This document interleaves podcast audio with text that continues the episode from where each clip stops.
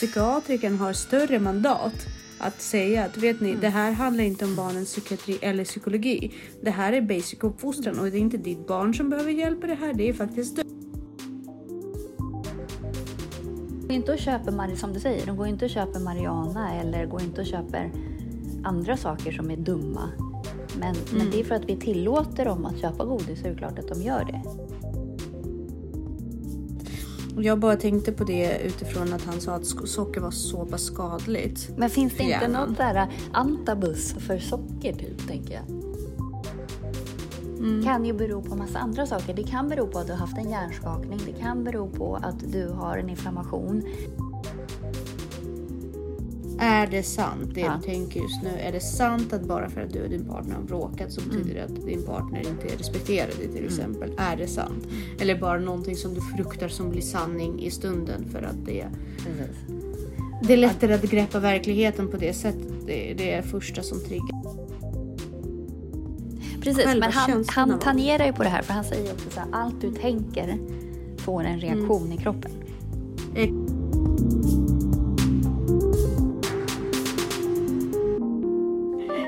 Hej Jessica! Hej! Nu har det gått en vecka. Ja, Fort det går. Det är Hur är det bra. dig? Det är faktiskt bra med mig. Eh, lite surrealistisk eh, varande för mig just nu. Jag tycker att eh, allt flyter på. Eh, Och är sådär äckligt bra, kan man säga så? absolut. Men nej, jag bara väntar på att någonting ska rasa. Men det är inte så att jag inte har problem. Jag har problem. Det är bara att jag känner på något sätt att jag kommer klara det. Eh, och det är nog första gången i, ja, jag vill säga hela mitt liv som jag känner att jag har problem. Och jag har mycket på min tallrik, men det är ingenting jag inte kan klara av. Utan jag litar på min förmåga. Det är ganska häftigt tycker jag. Verkligen. Ja, så eh, berätta lite om hur det är läget är med dig idag. Ja, men det är bra. Ehm, är det faktiskt. Det, det, är, ja, men det är bra. Det är alltid lite mycket, men, eller så här, lite rörigt på jobbet, men annars är det bra. Det där röret på jobbet. det känns som att det alltid är så att det är lite rörigt på jobbet. Båda jobbar i skol, skolans värld som våra lyssnare vid det här laget vet. Men det är alltid, jag känner samma sak. Det är liksom på något sätt, jag blir lite förvånad. Det känns som att man alltid anställer i minsta laget på skolorna. Och sen så blir man av med några också på vägen. Och sen alla marginaler som man trodde att man hade. De blir liksom urholkade och därtill. Och det blir alltid lite rörigt. Mm. Det är så konstigt för det är den organisationen som vi egentligen har från år till år och det, det, det är ungefär samma sak. Vi liksom, skolan förändras inte så himla mycket ändå, tycker jag. Nej, nej. Och ändå lyckas vi aldrig pricka det och ändå känns det som att vi återuppfinner hjulet varje år. Ja, men så är det ju tyvärr. Det är ju det som är skolans aber på något vis. Att man, ja, men som du säger, återuppfinner hjulet varenda år. Och det, det känns som att det är allt, en tvåa är alltid en tvåa. En trea är alltid en trea och så vidare. Men på något sätt står man där varje år och bara, hur ska vi lösa det? Och sen när vi väl har löst det, då är det sommarlov och sen är det höst, eh, hösttermin och då måste vi på något sätt göra om allting. Mm. Konstigt. Det, det borde ju varit en väloljad maskin tills nu känner jag. Ja, men där tycker jag i och för sig att, att vissa eh, skolor är bättre än andra. På att, Ja.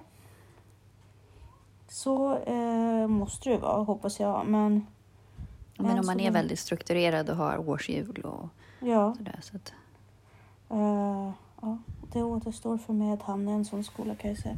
Men det... Mm. det är därför jag pratar för mig själv. Men, eh, men annars, ja, det är mycket på lärarnas tallrik just nu. Kan man ju säga inför skolavslutningen, men ändå väldigt kul. Eh, jag såg en rolig artikel idag. Eh, på tal, inte alls på tal om vårt ämne, men ändå lite kul om att det är en rektor som uttalar sig om att man ska inte behöva skicka varje barn på utredning så fort de inte platsar in i normen. till BUP. Nej. Och då blev jag lite sur ändå, därför att jag känner så här att man har tagit ifrån skolan alla resurser. Det finns typ ingen skola som har en skolpsykolog som är på plats hela tiden. Så man, om man har tagit ifrån oss kompetensen att kunna avgöra vad barnet behöver, hur vi kan hjälpa på bästa sättet. Därför att jag upplever inte inte att lärarna är de bästa eh, de mest kompetenta vad gäller att eh, att avgöra alla barnens behov på det sättet. Utan det är ju pedagogiska självklart, men inte alla andra saker som kanske måste sättas innan barnet är mottaglig. Men ändå så ska man dra sig för att dra, eh, skicka barn på, till BUP. Det tycker jag är lite finurligt, för BUP behöver inte bara, det behöver inte bara handla om att det ska bli en psy- neuropsykiatrisk eller någon annan form av diagnos. Det är väl inte bara det. Det är väl generellt att bara kolla av ett barn. Och se om, det, om vi kanske har missat någonting eller om någonting eventuellt kan uteslutas så att det det inte kan åberopas i vissa sammanhang när man utkräver ansvar. Så jag blev lite sådär... Jo, men alltså det, det låter ju väldigt så här, äh, fint att säga att det är klart, alltså att man inte ska skicka iväg barn på utredning och att alla ska inkluderas och så här. Men det är väldigt få som verkar vara där i verksamheten och se hur det fungerar.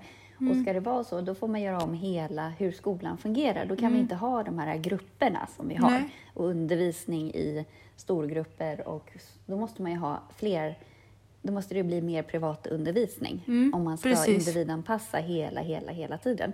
Plus att man måste också ställa högre krav på föräldrarna för att det blir fler och fler barn som faktiskt är ouppfostrade.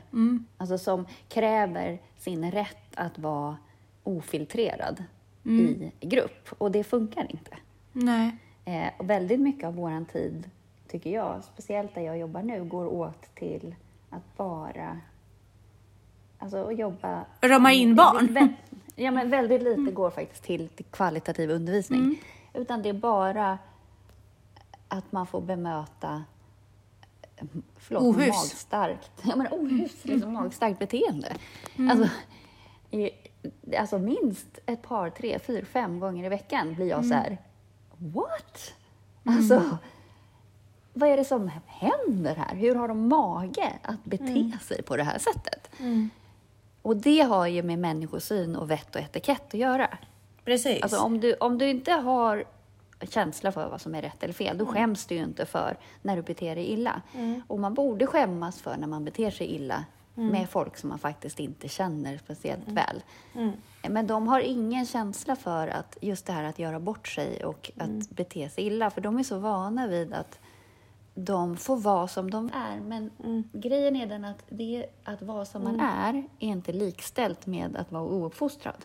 Du måste fortfarande kunna bete dig. Du kan inte säga elaka Nej. saker till andra. Du kan inte säga rakt ut vad du tänker och tycker hela, hela tiden. Eh, du kan inte bara gå på mag, liksom så här, det här känner jag för och det här känner jag inte för.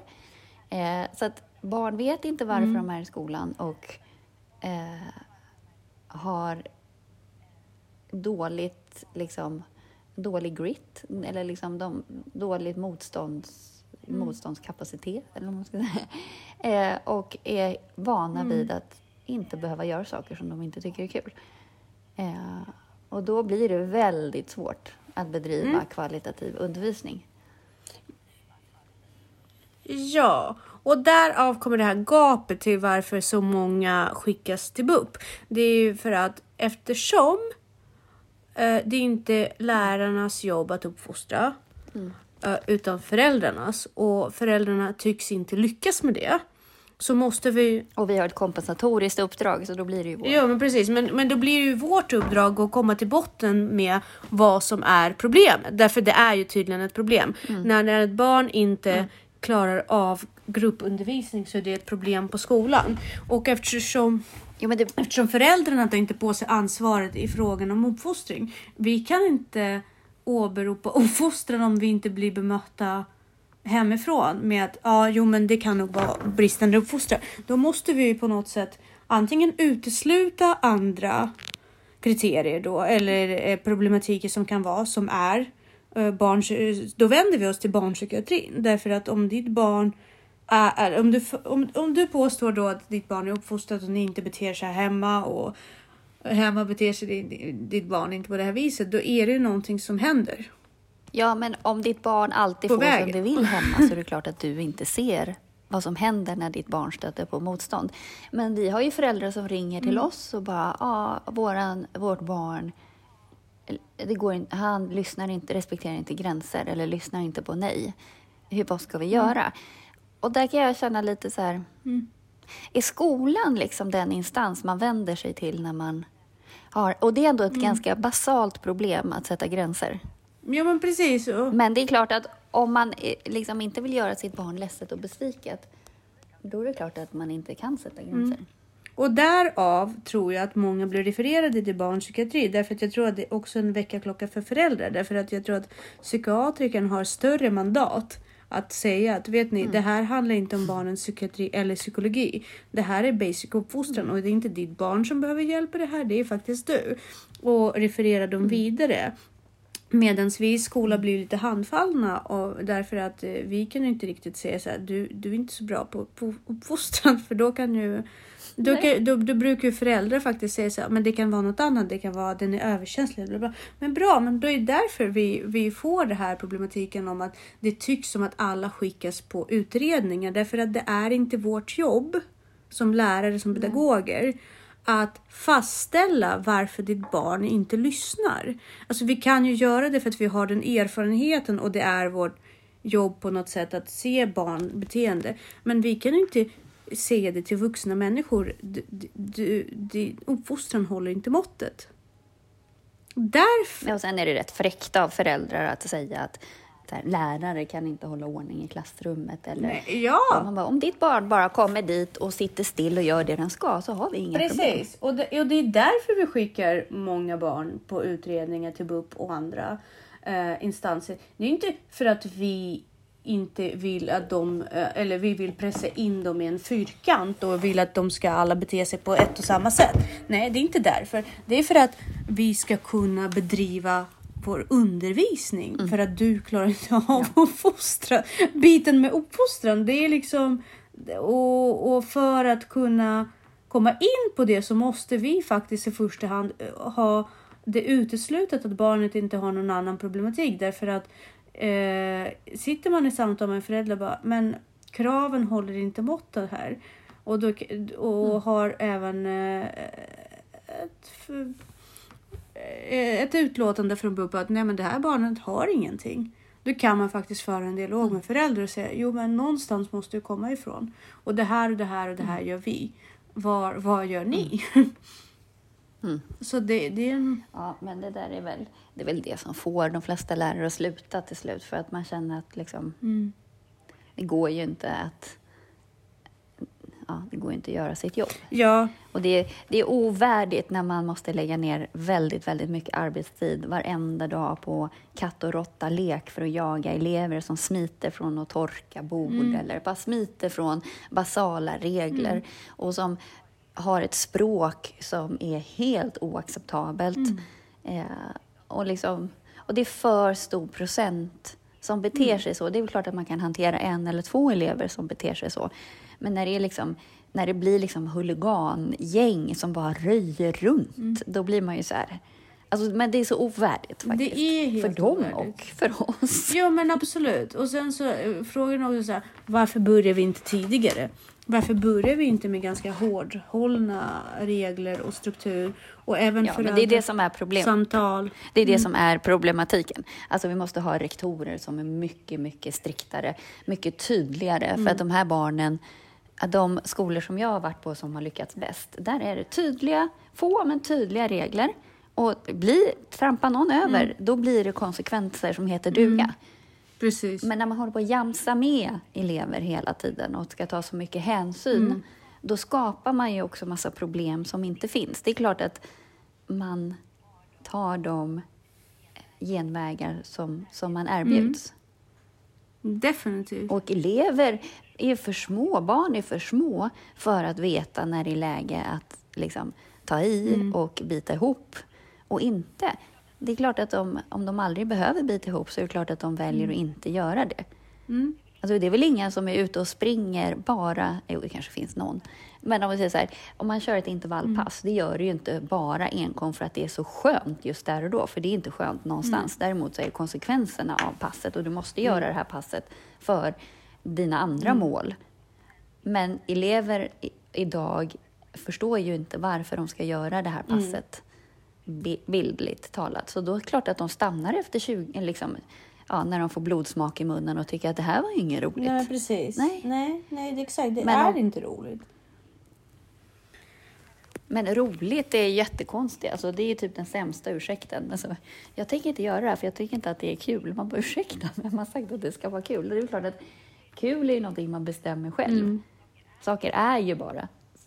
För det första måste man lära sig att det är ett mindset.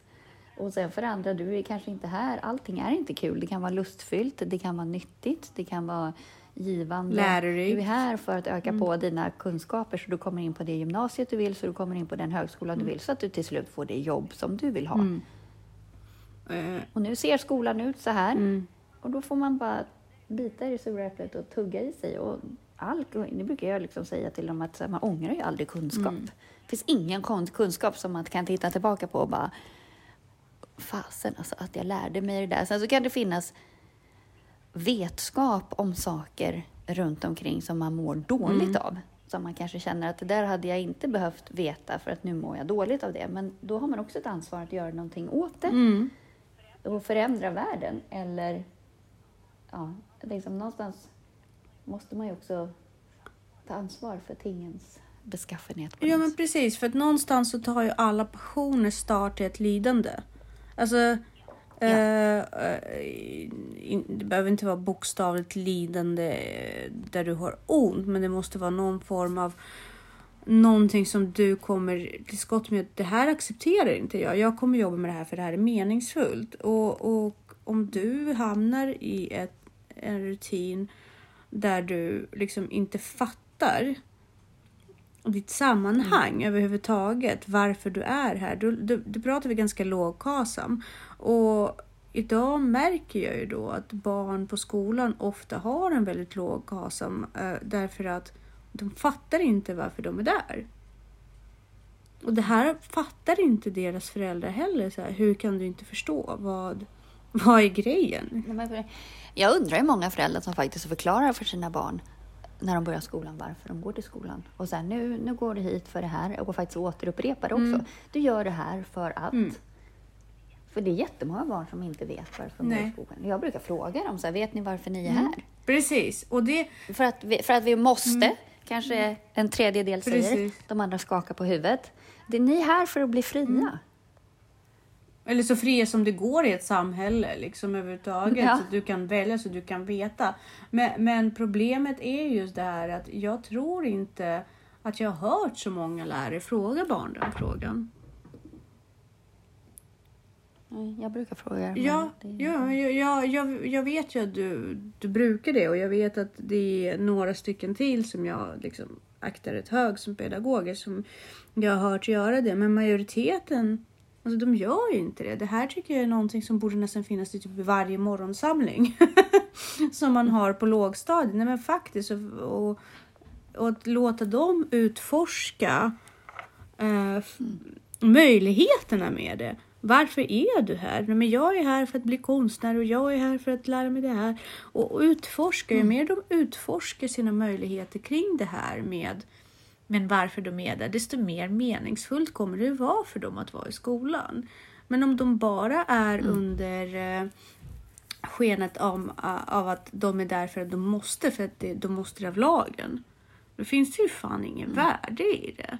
Det är ju lite grann som om vi kommer gå in lite senare på i vårt podd. Där ingen gör ju någonting för att de måste. Man vill ju göra saker för det är kul. Det är ju inte jätteroligt att göra saker bara för att man måste. Man måste förstå varför Jo, man fast- måste. Alltså förstår du? Jag menar... Ja, eh, men, men allt är ju inte Nej, kul. nej, så allt är- kul är ju allt är inte kul, men Men det det, blir ju kul om du, om du kan motivera det för, för dig Exakt, själv. exakt. Då blir det ju lustfyllt för att det ger, du kommer närmare ditt mål. Eller så. Exakt, eller finner Men det, saker och ting är ju inte bara roliga av sig själv. Nej, nej, det är inte kul. Det är inte kul att hålla kosten. Det är inte kul att eh, gå i skolan. Det är inte kul att gå upp tidigt på morgonen. Men det finns ett syfte. Fast det kan vara. Ja, om det, fin- Det kan ju vara kul. om, om, om det finns ett syfte. Och nu på liksom, Exakt. vad är det nu, 19 minuten säger vi varmt välkomna Till till Ansvarspodden.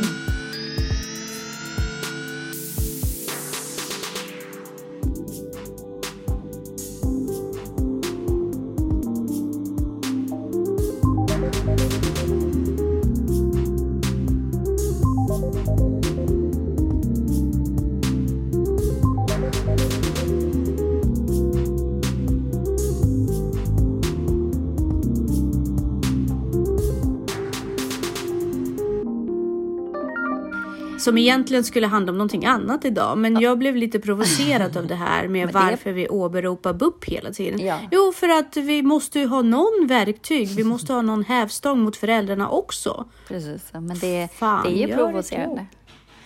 Men vi ska det prata om hjärnan idag. Idag ska vi prata om hjärnan och det går faktiskt in i det här vi pratar om också för jag tycker att holistiskt sätt är det sunda sättet. Och eh, vi tittade ju på, Tom Biljö. Ja precis. Tom Biljeu, Biljeu, Biljeu. Exakt. Eh, ja, eh, och professorn i psykiatri Mm. eh, som har kollat, som utgår från att han har faktiskt tittat på hjärnan Mm. och det är det lite grann som är kärnan i hans forskning och som han blev väldigt eh, sådär eh, tagen av eh, Dr. Daniel Amen hur hjärnan ser ut och vad som faktiskt är bra för hjärnan för det kan man titta på hjärnan och jämföra och vad som faktiskt är skadligt. Och det jag återigen blir väldigt häpen över, för vi, det är flera faktorer vi kommer bryta in, det är sockrets skadliga inverkan. Ständigt socker. Det är så mycket som talar emot socker och kolhydrater och så mycket som talar för nyttig fett och proteinrik diet. Så att man kan nästan jag börjar nästan ifrågasätta att det är lagat, att godis borde faktiskt säljas på Systembolaget.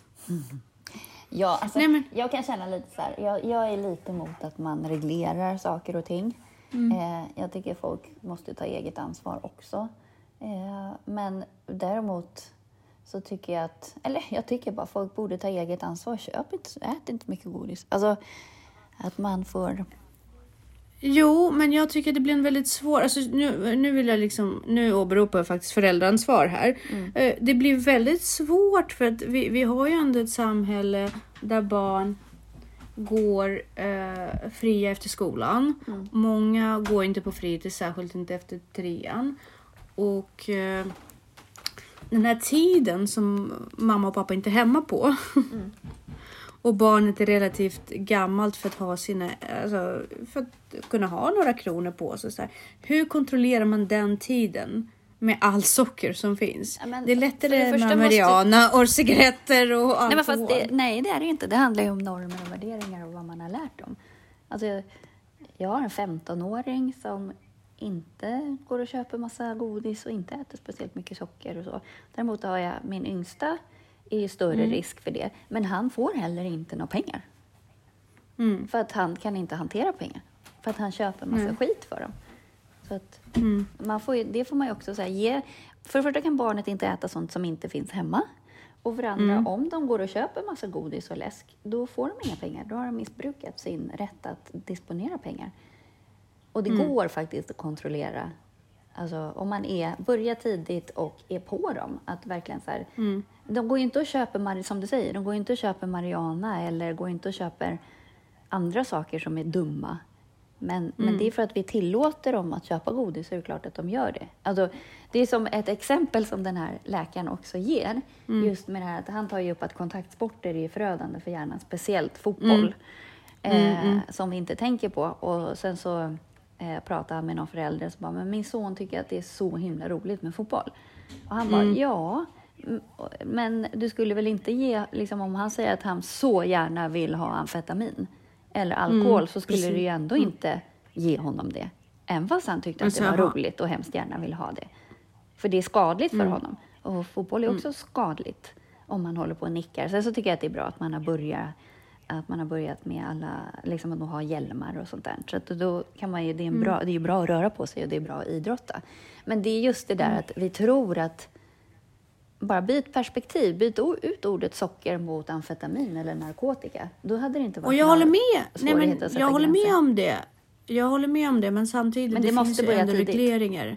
Absolut, jag håller med. Och eh, det, det finns, men det finns ju så mycket regleringar kring allt annat. Alltså kontaktsport och särskilt träningar. Det finns ju aldrig liksom utan en vuxen. Det brukar de ju göra med en vuxen en tränare. Mm. Eh, vad gäller amfetamin och droger och sådär. Ja, det är väldigt svårt. Det är svårare för Elisabeth till exempel att komma åt. Mm. Eh, Men sen har du ju Mariana. absolut den lilla, lilla, lilla gruppen av barn som faktiskt är extremt sockerberoende och som är så beroende Ja. som om det är narkotika. Men de går ju över Och det lik är ju. För att jag, få jag tag på sitt socker. Och det är klart Ja. att de kommer få det. En, heroinist kommer också få tag på sitt heroin. Och det är så läskigt därför att Elisabeth, nu, nu pratar vi liksom just privat om min egen dotter. Hon är ju så pass eh, eh, beroende av socker och har varit det sedan hon var liten. Att hon bokstavligen kan manipulera relationer, manipulera kompisar och gå flera, flera steg i att lägga upp hur hon kommer få tag på socker. Och det är skrämmande för mig, särskilt när, nu när jag inte bor med henne hela tiden och sådär. Så att, och jag bara tänkte på det utifrån att han sa att socker var så pass skadligt. Men finns det inte något där antabus för socker typ, tänker jag?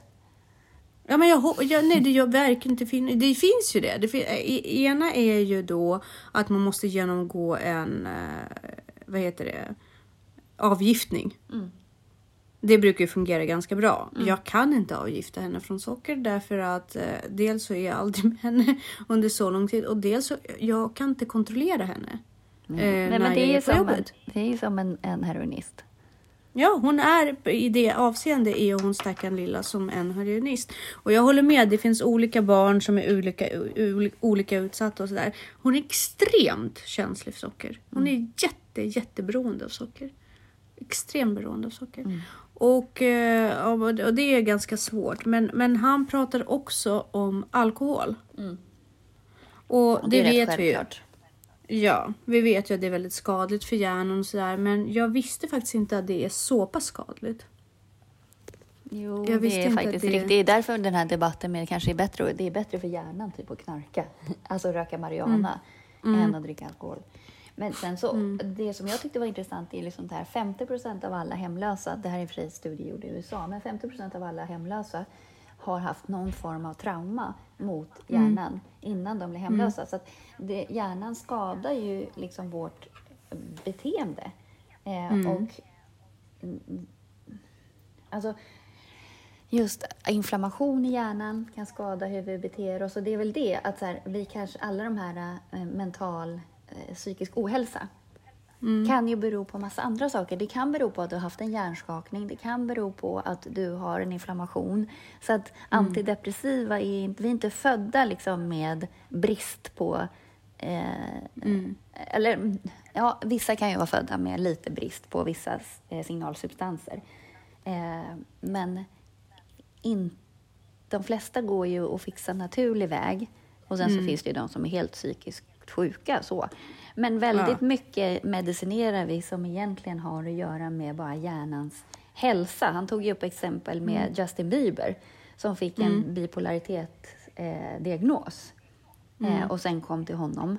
Och sen visade det sig att hans, han, han hade en inflammation i hjärnan eh, som skapade de här eh, depressionerna och stressen. Och ner, ja. Och när de fick bort inflammationen så var han ju bra. Mm. Och han pratar ju också om att, att brain mapping, han har ju en hemsida där man kan gå in och kolla vilken typ av eh, hjärna man har. Eh, Men man är ju också mer sårbar. Du kan ju titta bakåt. Man har ju olika typer av hjärna, så då kan man ju titta bakåt i sin släkt. Om man har beroende hjärnor, eller om man ska säga om det finns Precis. alkoholism eller sockerberoende eller mm, den typen. Eh, men olika beroenden går ju att ersätta med varandra också. Så det gäller ju att bara fokusera på ett, ett hälsosamt beroende, eller vad man ska säga, eh, också. Så att, eh, ja. Man pratar väldigt mycket också om vikten av sport och rörelse. Självklart, det, det är vi också ganska medvetna om att hur mycket det förändrar.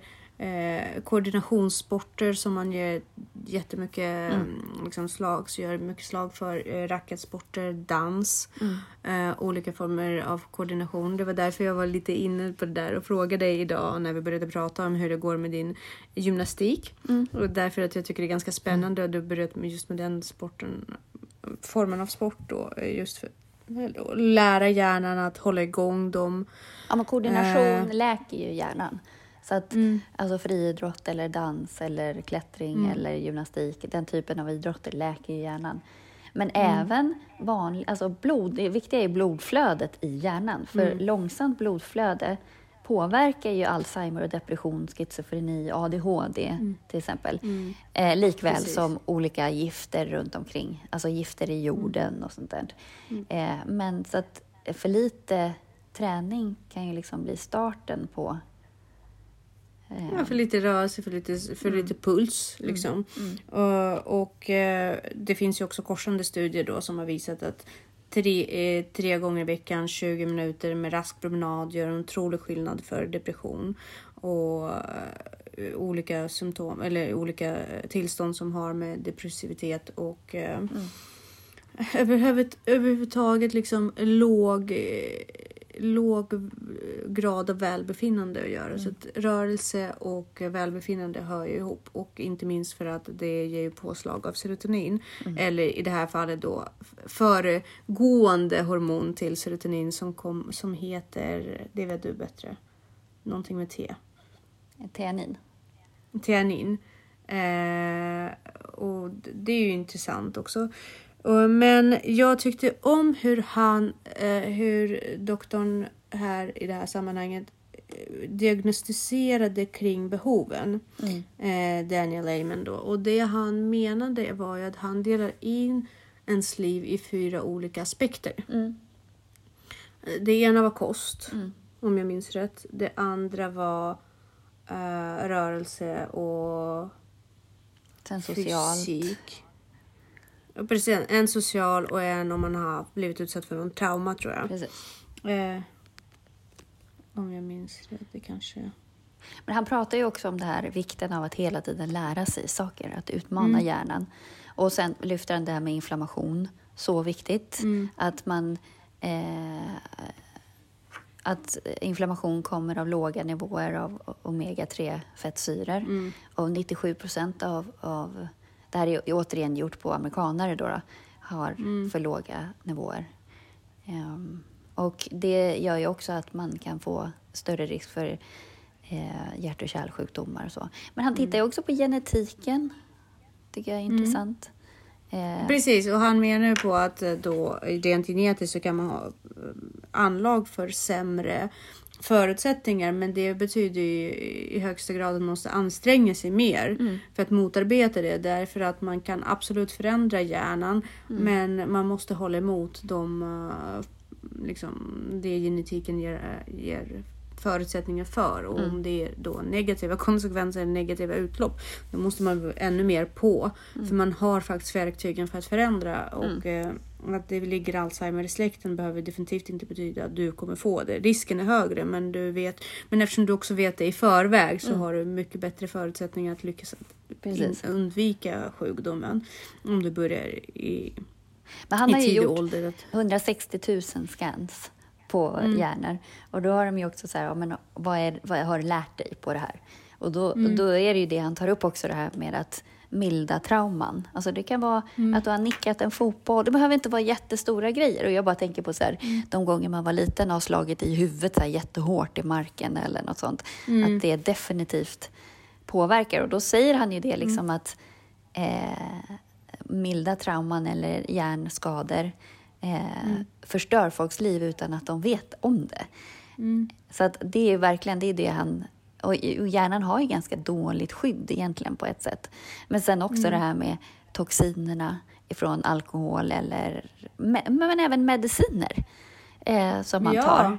Eh, och även liksom tungmetaller i mat och, och så. Mm. Att man... Och med, ja. Ja, men, men också så här, hudprodukter och så. Allt du sätter mm. på din kropp kommer ju in i kroppen. Mm. Exakt, och det, det var så intressant också hur han pratade om negativa spiraler eh, och hur hjärnans Hjärna är ju plastisk och vi har liksom eh, konstaterat det vid flera tillfällen. Men hjärnan är ju också vanebildande, extremt vanebildande. Det här är en av hjärnans eh, braiga kan man säga, en av hjärnans bättre och nyttiga egenskaper att kunna skapa vanor. Eh, därför att vi ska kunna få bättre grepp om sammanhanget som vi lever i. Och bättre greppa möjligheten av, ut, av, av eh, olika variationer. Eh, men likadant som du kan skapa vanor i din beteende, lika gärna kan du skapa vanemönster eller tankemönster, vanetankemönster. Och går du in på negativt tänkande, eh, då blir det nästan en negativ spiral neråt därför att du kommer alltid att vända dig till den här oron. Eh, nu är det här ingenting som han tog upp specifikt, men jag har koll på en annan studie som visar att känslor är beroendeframkallande. Och Han- om du är van... Ja, förlåt. Han var inte riktigt inne just på det här med att eh, känslor är beroendeframkallande utan det var en annan psykiatriker som vi tittade på. Men om du är van vid att känna ångest Mm. när du slutar ge upphov tankemässigt för ångest så kommer du sakna den. Precis, själva men han, han tangerar ju på det här för han säger också så här, allt du tänker får en reaktion i kroppen. Exakt. Eh, och det är väldigt intressant därför att då kommer dina tankar vända sig medvetet för att du är i sökande av det här bekvämligheten som du känner igen. Att, ja, men nu, nu är klockan sex, nu måste jag känna lite kvällsångest. För du är så van vid det. Så dina tankar kommer automatiskt vända sig mot någonting som de vet kan framkalla ångest. Men det, är det, som, det har vi pratat också om, tankarnas, att det, man liksom gräv, det blir som diken, som spår som man bara maler i. Och det är därför också det är så lätt, Precis. om man är med om saker, så att liksom händelser, vi säger att man är med om en separation till exempel, som man inte eh, höll med om. Eller så. Man, alltså, man liksom, om man inte kommer ur det på två år så är risken att man har fastnat i den här bitterheten och inte kommer vidare. Så att man har ungefär två år på sig. att Går det längre än två år och man fortfarande är i samma spår eller att man är, liksom går på ett tråkigt jobb och är bitter över det. Om man inte flyttar på sig, om man låter det gå mer än två år för att befästa den här tanken, då sitter den jäkligt fast sen.